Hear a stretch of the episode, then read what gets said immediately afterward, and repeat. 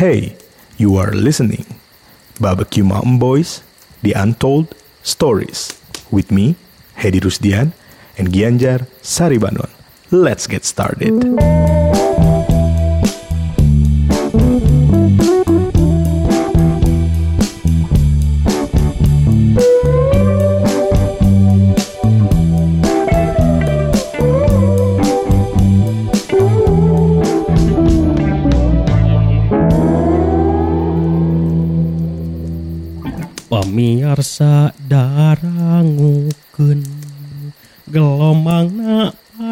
Kosong kosong podcastna urang duaan. Dongeng Mang Hedi jeung Gia. Pamirsa sadayana patepang di serang sim kuring Gia Seribanon sarang Hedi Rusdian dina acara ngobrol ngalor ngidul di Antod Stories. Kaparayun sadayana patepang dong di serang sim kuring gianyar sarang Bapak Hedi Rusdian dina acara Barbecue Mountain Boys, The The, Untold, Untold Stories. ngaco Mang, Oi sehat Mang? saya saya saya Alhamdulillah Jadi hari ini kita tuh take podcast pertama. hmm. Podcast kita tuh punya tajuk namanya Barbecue Mountain Boys, Hmm. The Untold Story. The Untold Story Nah, di Untold Story ini kita bakal menceritakan apa yang tidak kita ceritakan di YouTube channel kita. Au Au. Sebenarnya banyak banget mang yang eh, nanyain ya dari kemarin gitu ceritanya awalnya tuh gimana sih Barbecue Mountain Boys teh gitu cerita awalnya ya gimana terbentuknya terus kenapa kita tuh jadi berkebun dan lain-lain Iya. gitu kan. Em, sebenarnya kita tuh kenapa eh, akhirnya bertemu dan memutuskan untuk bekerja sama dan berjalan bersama tuh sebenarnya kalau buat saya tuh berawal dari keresahan Kang Gia sebenarnya. Iya, aslinya. Aslinya. Awalnya. Awalnya. Asli napisan. Asli bisa Nah, Mang, eh, ceritain dong kayak perjalanan Kang Gia waktu awal bertani itu gimana dan pada akhirnya saya ketemu Kang Gia dan Kang Gia menceritakan keresahan itu dan akhirnya saya respon bagaimana. ya Santai aja lah ceritanya. Kayak di warung kopi. deg deg deg deg deg ah warung kopi mah harus bikin kopi dulu dong kopi goyang dulu kopi goyang. bentar bentar nggak kopi halas kadang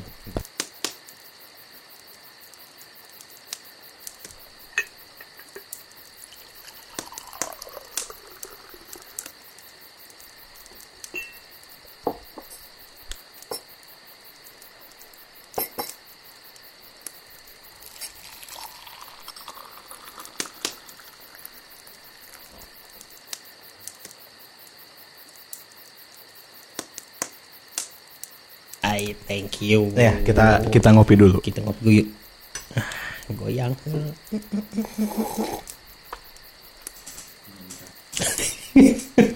mainkan jadi sebenarnya kita itu saya teh kan kenal kadidinya teh aduh kadidinya kenal Hedi teh kan sebenarnya awalnya itu dari karena senang cincin ya Ya. cincin buatanmu itu yang tangkorak itu Ya.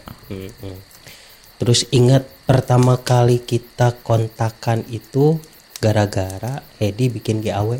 Pertanyaannya itu simple. Kalau saya punya tempat baru, pengennya tempat kayak gimana?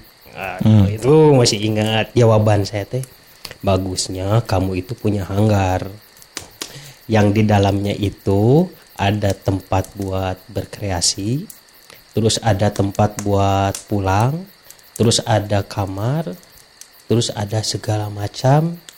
Saking gedenya eh, ada kafe juga dan lain sebagainya. Ingatlah jawabannya kurang lebih seperti itu. Terus akhirnya setelah itu eh menang saya GAW na ditungguan lah.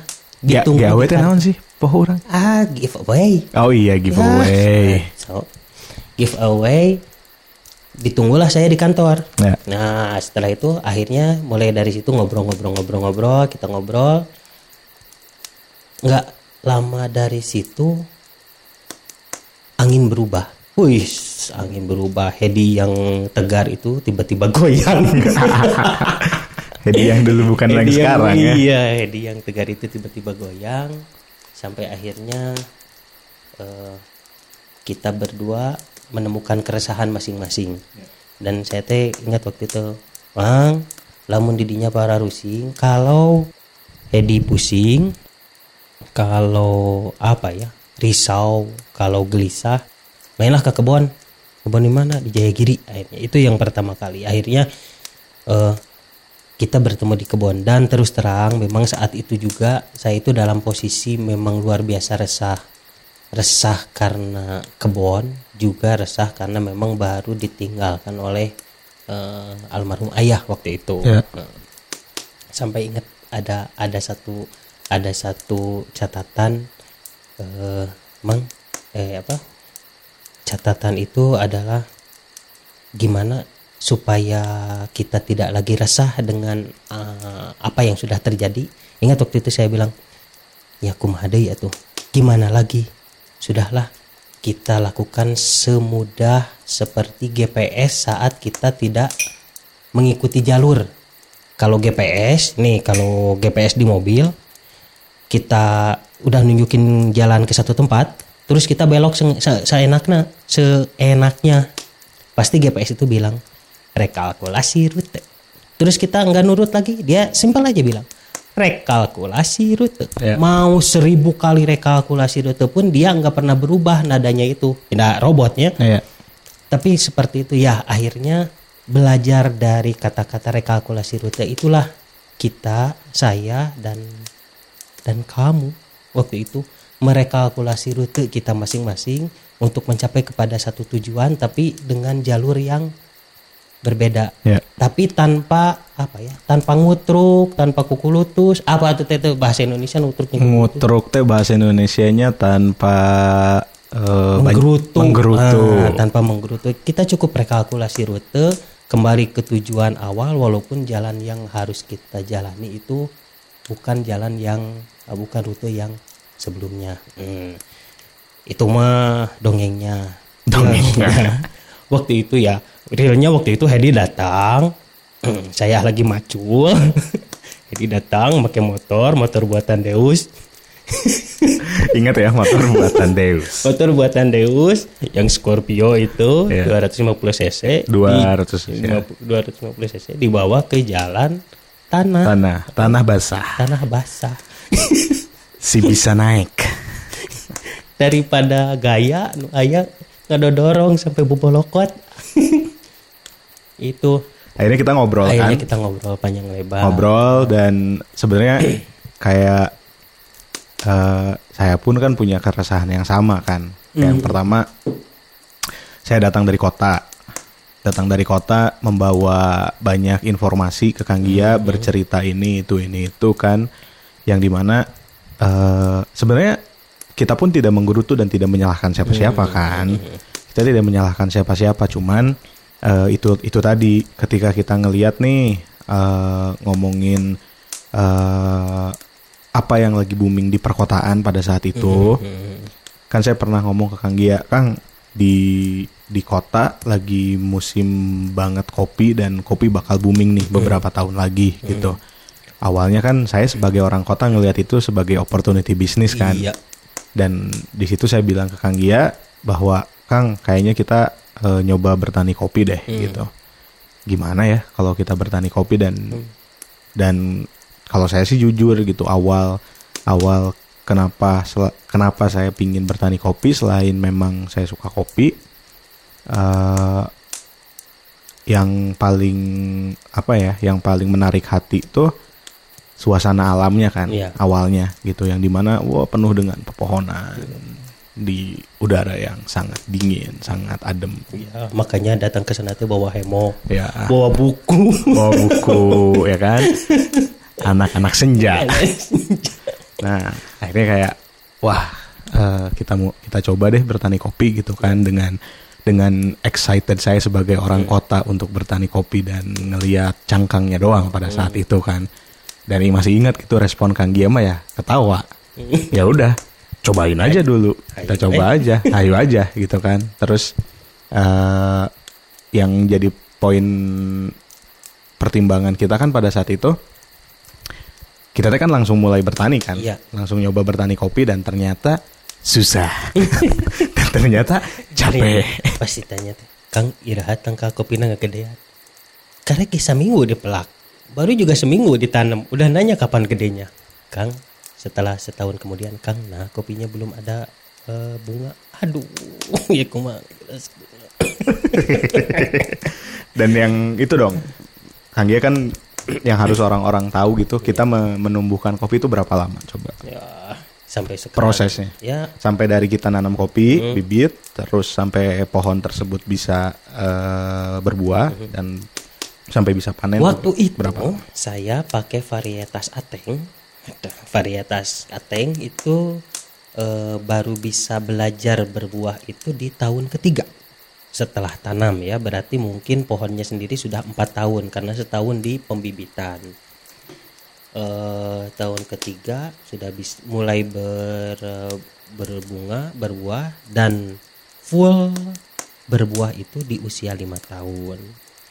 Untungnya, nih tip and trick untuk rekan-rekan yang mau bertanam, kalau sudah siap niatnya, sudah ada lahannya, jangan pakai varietas yang lama ya. Sekarang ada lini S itu lebih cepat, setahun udah, mulai ber apa, udah mulai belajar kembangan berbunga, sudah mulai belajar berbuah, ada lini S, ada sigara rutang, namanya juga sigara rutang, si pembayar utang mudah-mudahan bi- bisa cepat ininya cepat apa cepat eh, keluar hasilnya.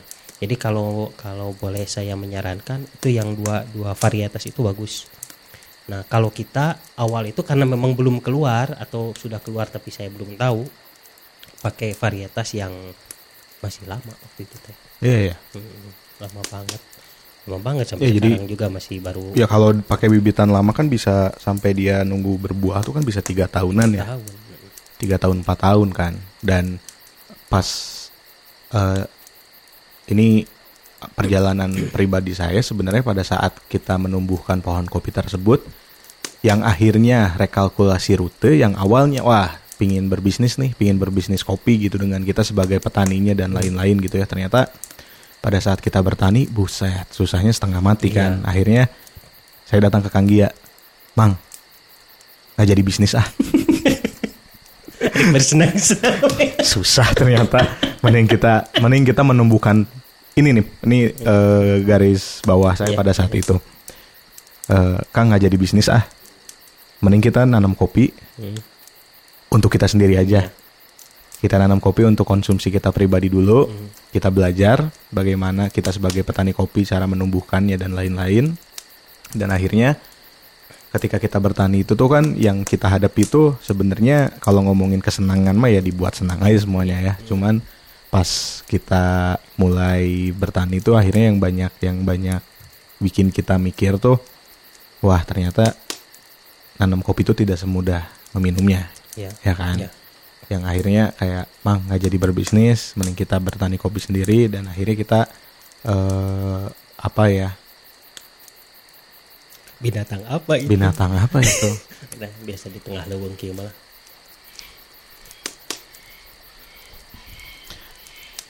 Ah, apa nih enggak apa-apa lah. Paling Apa nih? paling bagong. binatang apa itu kang Sok. Tadi ngomong apa? Gara-gara ada binatang poho langsung. iya jadi lupa Iya. Em, ya akhirnya kan itu balik lagi rekalkulasi rute akhirnya dan eh, balik lagi kalau ngomongin keresahan eh, akhirnya kita berpikir kan eh, mang kalau kalau eh, ngelihat kondisi sekarang dan percepatan zaman gitu yang di mana yang di mana nggak cuma kopi sih kita ngomonginnya tapi kita pada saat itu bertani kopi kita eh, berpikir kalau misalnya eh, kopi ini makin ramai ya bagus tapi yang jadi pertanyaan adalah ngomongin sustainability-nya kan. Kayak gimana nih keberlangsungannya? Kalau misalnya eh, kalau kopi ini semakin rame tapi yang kembali ke ladang semakin sepi. Iya. ya kan? Karena keresahan Kang itu kan? Iya. Ya waktu itu ya emang eh di antara banyak obrolan salah satunya yaitu ya eh, saat saya pernah kan sekali dua kali ngajar gitu ya ngajar bikin apa ngajar cara cara menanam kopi. Sekali dua kali mengajar cara menanam kopi. Ada saat di mana eh, anak-anak muda itu pas diajari nanam kopi itu nggak terlalu tertarik.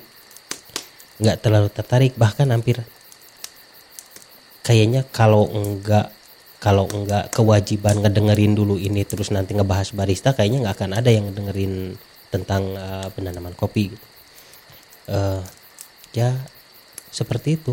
Uh, jadi kayak jadi sedih gitu.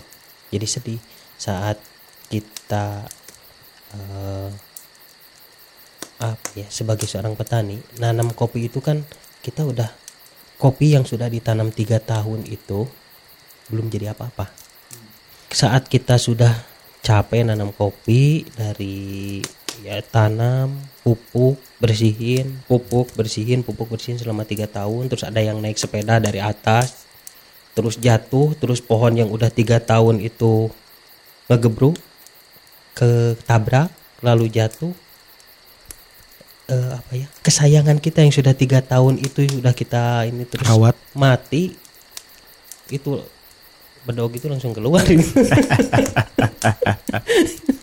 ya, ya sementara sa- setelah sa- seca- setelah capek secapek-capeknya kayak gitu kita hanya dihargai 10% dari harga green bean Ya.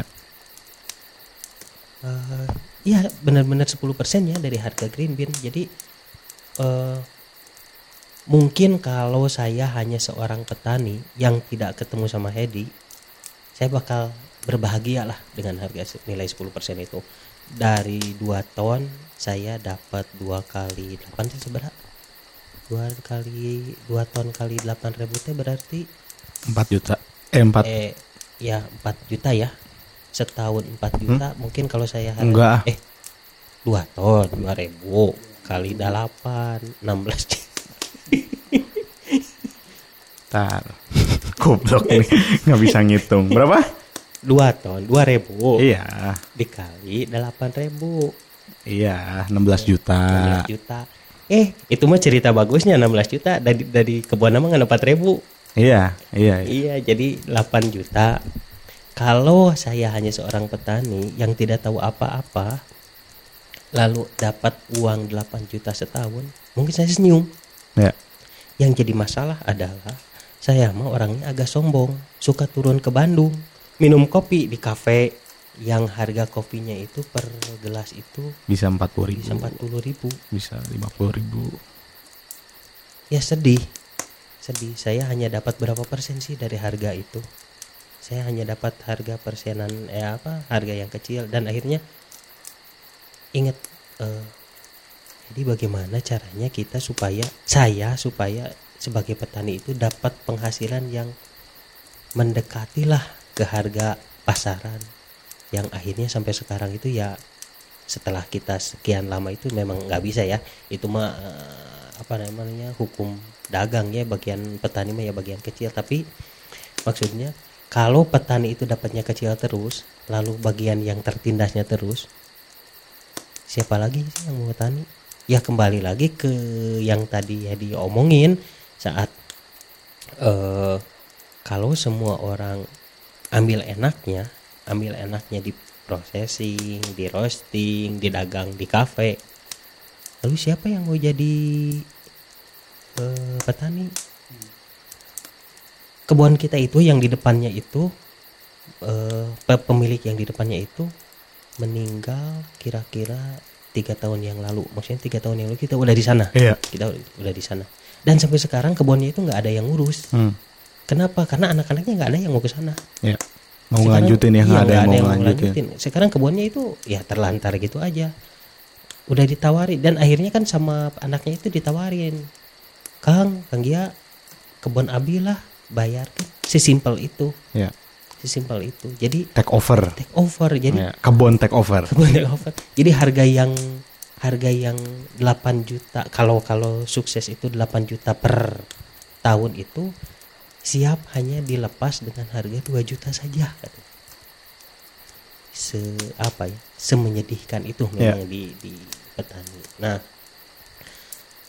setelah eh, besar harapan saya sebenarnya waktu di awal-awal kita ngobrol itu bagaimana caranya supaya petani itu dapat penghasilan yang yang eh, bisa mendekati harga pasaran. Ya. atau kalau waktu itu sih sebenarnya egoisnya bukan petani ya. Gimana caranya supaya saya nih ka saat udah ketemu sama Bapak Hedi yang seorang brand naon tuh brand manajemen Sebagai branding branding and person. strategic. Eh, bisa ngebantu saya supaya eh, apa ya eh, mengangkat harga kopi di tingkat petani itu sih aslinya wuku dulu tapi akhirnya ya setelah ke sini ber- berjalan melihat kesungguhan dari adek Hedi dan yang lucu Bercocok tanam. bercocok tanam. jadi akhirnya ya ya benar akhirnya kita bersenang-senang aja di Iya. itu Iya. bersenang-senang Akhirnya kan ya kita bersenang-senang. Iya. Terus eh, di samping itu kan akhirnya kita kita juga berpikir kan kayak oh eh, Kang gimana ya caranya supaya eh, kita tuh bisa eh, menginformasikan kabar ini Mhm. yang dalam artiannya kayak gimana ya caranya yang dulu tuh yang yang akhirnya muncul di benak kita tuh yang pertama itu yang tadi kata Kang Gia gimana caranya untuk eh, perhatikanlah petani tapi kalau saya karena datangnya sebagai anak muda dan saya pun dan Kang Gia pun yang lebih tahu eh, kondisi pada saat itu bagaimana dunia pertanian dan sebelumnya seperti apa. Kalau dari saya pribadi kan yang saya ngomong ke Kang Gia, Kang, kayaknya memang kalau buat saya sih concern concern saya pribadi gimana caranya untuk bis untuk bisa meregenerasi. Gimana caranya? Kan memang kasusnya Hmm. itu kan. Iya. contoh kasus yang kayak yang kayak kemarin itu kan eh, dari seorang petani bapaknya meninggal. Ketika bapaknya meninggal kebunnya nggak ada yang ngurus dan anak-anaknya nggak mau nerusin. Nah ini kalau misalnya ini tuh hanya contoh kasus, contoh kasus kan, contoh kasus eh, baru di area kebun kita aja dan pasti banyak di kebun-kebun lainnya gitu kan. Akhirnya eh, kita berpikir gimana caranya untuk bisa eh, menyampaikan informasi ini kan. Akhirnya ya kita sepakat kan untuk gimana caranya untuk bisa bikin sesuatu eh, sebuah informasi ke orang-orang kota yang di mana ya kita juga sebenarnya ingin mengajak orang-orang kan. Sebenarnya bukan ngajak semua orang untuk bertani juga. Sebenarnya setidaknya step-step awalnya gimana caranya untuk orang bisa peduli aja sih. Bisa peduli dan bisa tahu gitu hulu hulu ke hilir tuh seperti apa kan. Jadi eh akhirnya itu kan. Akhirnya kita bikin bi- posting tentang pertanian. Postingan pertanian kita kita bikin nama kebun kita namanya Saux Farm terus kita eh, kita bikin konten namanya Barbecue Mountain Boys. Oh ya it, konten barbecue mountain boy mah itu mah agak ke sini sebelumnya itu kita bikin postingan-postingan tentang pertanian. Ya postingan pertanian bahwa bertani itu menyenangkan. Bertani itu indah bertani itu Oh, memang Eh, menyenangkan. yang menyenangkan. Tapi nggak ada yang nonton kita sempat gagal ya. Karena ya itu ya kita coba coba apa namanya ya udah kita apa adanya menginforma- menginformasikan lewat postingan-postingan kita ternyata memang oh eh, ya orang nggak ada yang ngeh juga. Nggak ada yang nge- sampai akhirnya carilah eh, harus melalui apa kita memperkenalkan tentang pertanian ini. Ya sampai lama itu ya. Mungkin ada setahun kita nyari-nyari ide itu ya. Ya ada setahun lebih. Ada akhirnya eh, saya punya kecetus ide bahwa saya bilang Kang karena karena kita bertani itu untuk hidup gitu ya farming for living eh, kita bertani untuk diri kita sendiri dan akhirnya sebenarnya yang harus kita informasikan adalah jangan hanya dari sudut pandang kita bercocok tanamnya aja karena kehidupan kita di outdoor tuh kan banyak banget gitu. Nggak cuman bercocok tanamnya aja kan. Akhirnya eh, ketemulah Bapak Doji dan Bapak Sani kan. Yang di mana kita diskusi gimana caranya ya kita untuk bikin sebuah konten yang lebih menarik yang mau ditonton orang supaya pesan kita bisa nyampe kan. Iya. yang yang akhirnya dipilihlah melalui makanan. Ya start dari makanan, makanan. start dari start dari makanan dan pertanian Dan karena pertanian. ya itu buat buat kita kan sebenarnya food culture sama agriculture kan is always connected. Iya. Satu Jadi kita coba coba kita kan waktu itu coba akhirnya nyoba ngambil angle-nya dari sisi food culture dulu baru kita masukin agriculture-nya kan. Makanya yang di episode 1 pun memang kita berbicaranya sudut pandangnya Iya. lain gitu. Jadi dan ingat sekali waktu kita ya sebelum sebelum kita jalan gitu kita tes tes gitu ya tes tes masak di Instagram Iya, gitu pas pas udah dites masak cuma masak apa ya pensil waktu itu ya? Pensir. bikin Pensir pensil steak. wih langsung banyak yang suka oh iya ini Iya, iya. jalur masuknya Jalur masuknya. ya eh, eh, apa diproklamirkan lah Hmm. barbecue mountain Barbecue. Mountain Boys kan. yang di mana nggak ada yang di mana semuanya mengalir begitu aja kan. Yang di mana memang kita punya attitude yang sama, kita punya cara hidup yang sama, cara eh, apa namanya, eh, cara mengekspresikan diri yang sama juga. Akhirnya eh, berjalan kan si konten tersebut ya. Terus eh, ini sih ada yang menarik sih Kang, kayak yang waktu itu kayak ada ada beberapa pertanyaan dari orang gitu, Eh, kayak eh, sempat di beberapa konten kita banyak yang nanya, yang Kang Gia juga sempat bales gitu. Hmm. Perasaan petani nggak kayak gini deh, oh iya ya kan? Perasaan petani nggak kayak gini, petani yang gua tahu tuh nggak kayak gini loh, Iya. gitu. Kang Gia kan waktu itu, Kang Gia Iya. kan yang jawab. Ya, emang petani harus kayak gimana Iya. Iya, jadi emang petani di Indonesia itu selalu identik dengan kaum apa ya? Kaum yang kurang diperhatikan Iya. lah. Jadi sebenarnya mal, apa? Enggan juga menyebut kaum proletar itu. Tapi secara tidak langsung penilaian itu selalu ke sana. Gitu. Sementara eh, saya saya dibesarkan di eh, oleh orang tua yang dua-duanya benar-benar petani. Bapak petani, ibu juga petani. Eh, bapak itu belajar pertanian di SPM Ageger Kalong dulu itu namanya Sekolah Menengah Pertanian dan eh, menekuni pertanian juga sampai ke eh, Filipina, Swedia khusus untuk menekuni industrialisasi pertanian. Eh, itu latar belakang orang tua saya. Jadi orang-orang yang memang bertani tapi banyak coba-coba gitulah. Nah, jadi mereka itu dan orang tua saya itu kalau cek di Instagram itu dari dulu udah gaya bertanya teh. Iya. Maksudnya gaya tuh gimana? Kalau ke kebun itu ibu saya kan eh, di Tanjung Siang itu panas. Ibu saya pakai scarf, gaya, pakai sepatu bot tinggi, terus masuk ke sawah. Bapak saya pun seperti itu. Kalau mau ke kebun itu oh, bajunya itu selalu dipilih baju yang bagus.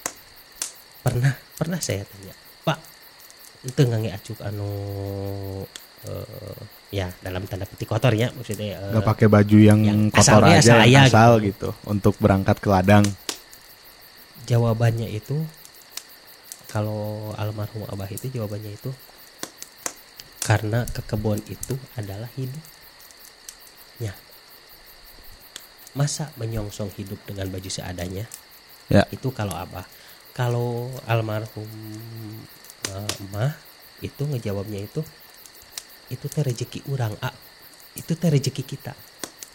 Kalau kita tidak hormati rezeki itu eh, apa kita tidak hormati tempat rezeki itu erek tahun dia tuh mau apa lagi? mau apa lagi?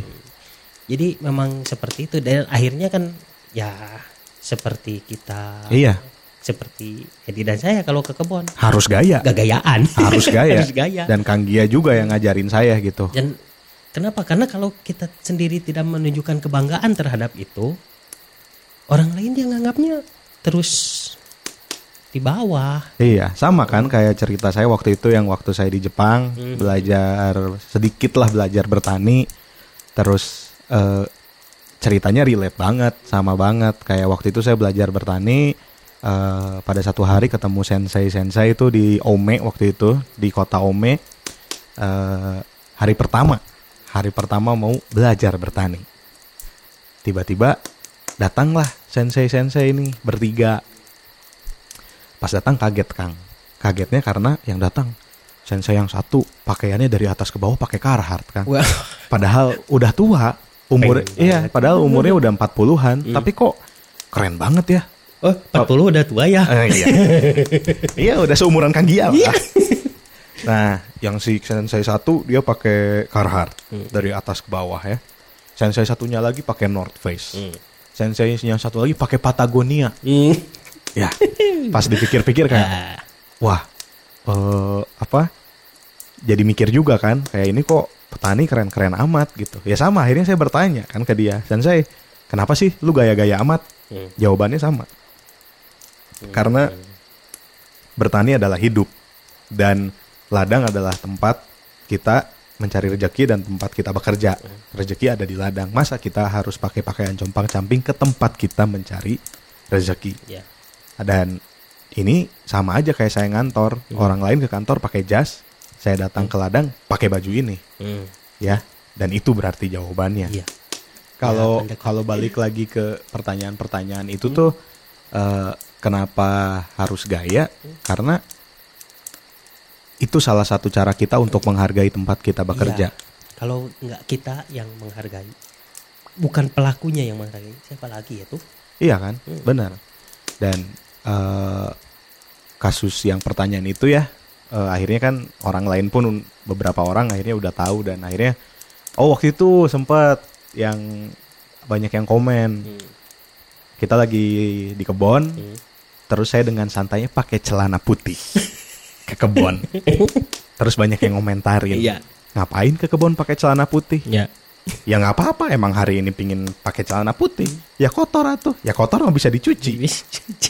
Kalau kotor lagi kalau nggak nggak terus kalau rusak atau terus kotor ya beli lagi. Iya. emang petani susah. Terus eh saking saking asiknya bertani jadi saya juga kan males males untuk pulang lagi ke kota Oh, kan ya ulah. Nggak boleh. Nggak boleh, nggak boleh kalau ke sana. Kenapa nggak boleh? Karena kalau semua orang akhirnya kembali ke pertanian dan tidak ada yang menceritakan betapa menyenangkannya jadi petani. Atau tujuan kita teh nggak terlaksana, Mang. Itu jadi wayahnya, ada wayahnya. Nah, wayahnya bahasa Indonesia eh nggak ada kan? Nggak ada. kan? Nah, wayahnya. oh suka ataupun tidak Suka ataupun tidak, Edi itu harus kembali ke kota. Berikanlah kabar seberapa sebetapa menyenangkannya hidup kita di sini. Betapa menyenangkannya men- mencangkul, betapa menyenangkannya menyiangi tanaman, betapa menyenangkannya menggunakan pisau tanpa ada takut digerebek polisi. iya ya karena keharusannya gitu. iya Eh, bawalah kesenangan itu. Jadi eh, gini, ada cerita, ada Hmm. cerita. Sebelum sebelum berbagi Mountain Boy terdengar beritanya, itu nyaris tidak pernah terdengar ada orang yang bangga dengan orang tuanya petani. Ya, bahkan yang tadi dongeng itu, yang waktu kita menjelaskan kepada eh, satu grup anak muda Karang Taruna di sini, saat eh pan bapak mana buka kebun kopi di sini Eh, bapak kamu punya kebun kopi di situ? Eh hmm, tuh orang mah eh, hmm, kayak nggak mau aja. Disebut kalau orang tuanya petani. nggak mau. Tapi setelah barbecue mountain boy terdengar eh melalui WhatsApp melalui Instagram atau di channel YouTube, YouTube. kita itu ada orang yang simple atau melalui obrolan pun simple bilang bahwa Kang sebenarnya orang tua saya teh petani. Kang sebenarnya kakek saya teh petani. Kang sebenarnya saya teh kuliah di pertanian. Iya. Jadi ya, maksudnya kebanggaan jadi petani itu sudah mulai diperlihatkan. Iya. Kesenangan kita bertani itu mulai diperlihatkan. Jadi dengan ini sebagai petani yang udah agak masuk ke usia agak tua juga eh, akhing disebut tua saya tugaskan Bapak Hedi untuk kembali ke kota kembali ke kota kabarkan betapa menyenangkannya hidup kita di eh, hutan ini Ya. di kebun ini kepada rekan-rekan, kepada halayak ramai melalui semua hal yang bisa dilakukan oleh Bapak ini. Siap? Siap. Siap Kang. Saya kembali ke kota. Jadi kalau saya waktu itu jadwalnya weekend farmer ya. Iya. Karena saya juga punya banyak kesibukan juga di kota dan akhirnya as a weekend farmer Mm. sisa hari saya dihabiskan di kota dan di kebun kan pada akhirnya dibagi-bagi gitu dan saya juga punya cerita Kang. Gimana gimana? Jadi ketika saya banyak meng- menyampaikan kabar bahwa betapa menyenangkannya kehidupan kita di kebun gitu ya dan lewat konten kita juga gitu ya ngeliatin ke orang bahwa sesimpel saya tuh pingin bilang bahwa eh apa ya bertani itu menyenangkan. Dan saya tuh dalam hati saya tuh pingin coba nge-twist ngerubah persepsi masyarakat gitu.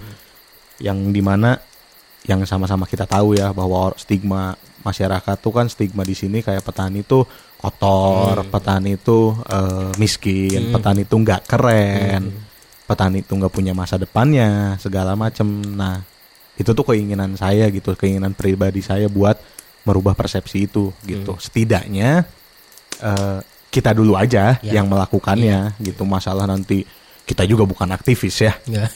kita mah memang bersenang-senang sendiri aja siapa tahu bisa ngasih manfaat gitu kan terus ada cerita lucu Gimana? suatu hari Hmm. eh, saya lagi di Jakarta Nah, lagi di Jakarta terus eh, ada undangan party wih. ada undangan party di zodiak Kela, saya emang nggak hafal zodiak teh apa. jadi di zodiak itu tempat joget lah di Oh, Jakarta gitu. ya tempat joget Ya, sebangsa Dan- tempat bajidoran gitu ya. Iya. tempat joget lah di Ya. Jakarta. Eh, waktu itu yang mainnya ada Anton sama Hogi, Anton Wiryono sama Hogi Wiryono. Ya. Jadi eh, salah satu sosok DJ yang buat saya sih panutan ya. Iya. Nah akhirnya saya datang Ya. ke Zodiak, datang ke Zodiak sama teman-teman party, lagi joget, joget, joget. Pas eh, saya lagi beli koktail, Hmm. lagi ke bar gitu tiba-tiba ada yang nyamperin kang Oh. ada yang nyamperin ada yang nyamperin terus tahu barbecue mountain boys kaget ya ini bener apa enggak nih Eh, iya, iya, lagi party iya, kok ada iya. yang tahu barbecue mountain boys terus bertiga kalau nggak salah si yang nyamperin saya ini terus dia bilang kang saya nonton barbecue mountain boys loh Wah. gitu Woi, artis berbagi. Mana ada. Terus akhirnya dia bilang gini, yang menarik gitu. Di tengah-tengah party yang lagi jedak-jeduk jedak-jeduk, tercetuslah obrolan di mana Kang, sebenarnya tuh saya tuh pingin jadi petani. Wih. Petani pingin jadi petani di kala Di kala- party. Terus saya pingin bertani dan saya nggak tahu harus mulai dari mana. Tapi mereka tuh udah punya kesadaran tentang ses- masalah sustainability, masalah regenerasi, masalah ke depannya teh harus kayak gimana gitu kan. Setidaknya mereka pun udah tahu masalah-masalahnya seperti apa dan buat saya sih saya seneng gitu bahwa tugas dari Kang Gia yang saya nyuruh ke kota ternyata memang di kota pun sudah menjadi pembicaraan sebenarnya itu Eh, mantap. yang waktu waktu di zodiak itu si, si ceritanya teh Luar biasa. Padahal lagi jedak-jeduk ya. lagi jedak jeduk Ini bertolak belakang banget.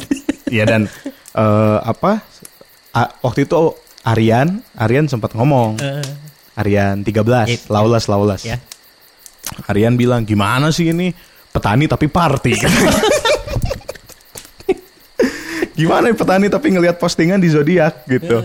Terus eh, iya dong petani juga harus party gitu kan. Dan eh, petani juga harus gaul gitu. Karena ya eh, ya kita pengen ngasih contoh aja gitu. Kalau misalnya kita nggak menyampaikan kabar ini ke kota kita tidak mencoba nge- ngangkat si derajat ini eh, gimana keberlangsung eh, ke ya keberlangsungannya dan masa depannya seperti apa ya nggak akan ada perubahan juga kan kan Iya. makanya eh, di barbecue mountain boys pun contoh nyata yang kita lakukan pada saat itu adalah kita ke kota dan melakukan hal-hal positif salah satunya kolaborasi Iya. dan waktu itu kan kita pernah kolaborasi Iya. dengan Lawless Burger Bar yang di mana kita mengkombinasikan mengkolaborasikan antara hulu ke hilir iya. Yang di mana kita menceritakan tentang eh, seorang peternak, sahabat kita Iya. JP, Hmm. seorang peternak domba lulusan Unpad dan kita sebagai Barbecue Mountain Boys dan Lawless sebagai Burger Bar Iya. yang di mana kita mengkolaborasikan itu memperkenalkan gitu produk hulu Hmm. sehingga hilirnya sampai hilirnya dan itu menurut kita cukup sukses ya Cukup, cukup. Oh bukan cukup lagi, sukses banget. sukses banget ya nah itu sebenarnya ya salah satu contoh yang Iya. kita bikin gimana caranya untuk bisa mengkoneksikan antara agriculture Iya. sampai food culture Dan hal ini sebenarnya bisa dilakukan juga, bisa diadaptasi oleh petani-petani, oleh pelaku-pelaku pertanian atau peternakan di Indonesia juga.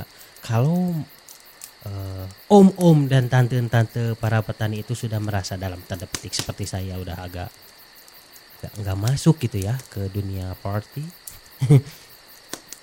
ya bisa digunakanlah teman-teman yang agak lebih muda. Rangkulah rekan-rekan yang lebih muda yang yang bisa juga digunakan sebagai corong untuk menyebarkan betapa menyenangkannya bertani itu. Atau ya nggak juga nyuruh harus ke party ke anak-anaknya ya. Dengan berbagai mana- dengan berbagai macam cara.